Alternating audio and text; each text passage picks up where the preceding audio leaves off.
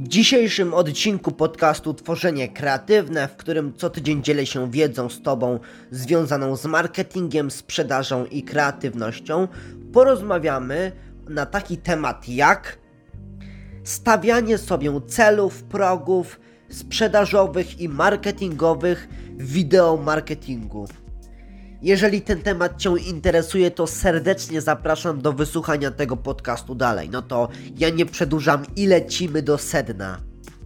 Otóż, jak zawsze, kiedy kończy się stary rok, zaczyna się nowy rok, to ludzie, nie tylko ludzie, ale także szefowie firm planują, co by chcieli osiągnąć w tym nowym roku. Planują nowe strategie, nowe rozwiązania, nowe programy, które mają pomóc w spełnieniu pewnego celu w tym roku, czy grupy celów w tym roku. I oczywiście nie omija to tematu szeroko pojętego marketingu, szeroko pojętej sprzedaży. Ile mamy sprzedać, tyle mamy zarobić, do ilu klientów mamy dotrzeć, do ilu lidów mamy dotrzeć i tak dalej. I wideo marketingu często ludzie również zadają sobie takie pytania.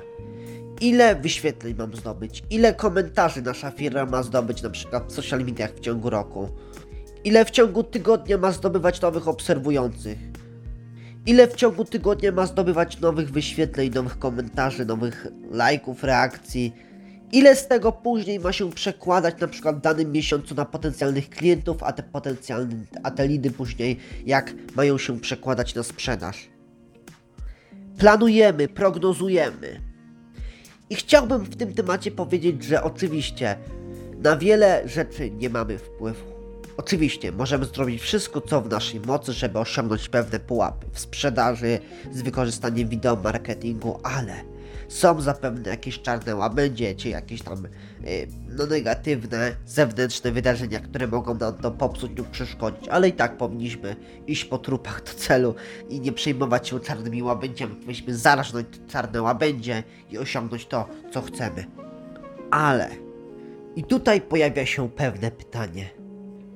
Jak iść po trupach do celu, jak zarżnąć te czarne łabędzie, aby osiągnąć ten sukces, aby osiągnąć te cele wideo marketingu. Sukces to może za duże pojęte słowo, takie zbyt mainstreamowe, takie coachorskie, takie wiecie, wiecie o co chodzi, takie szkoleniostwo, ale głównie chodzi mi o to, co robić, co trzeba robić, aby w wideo marketingu osiągnąć pewne cele, które sobie założymy.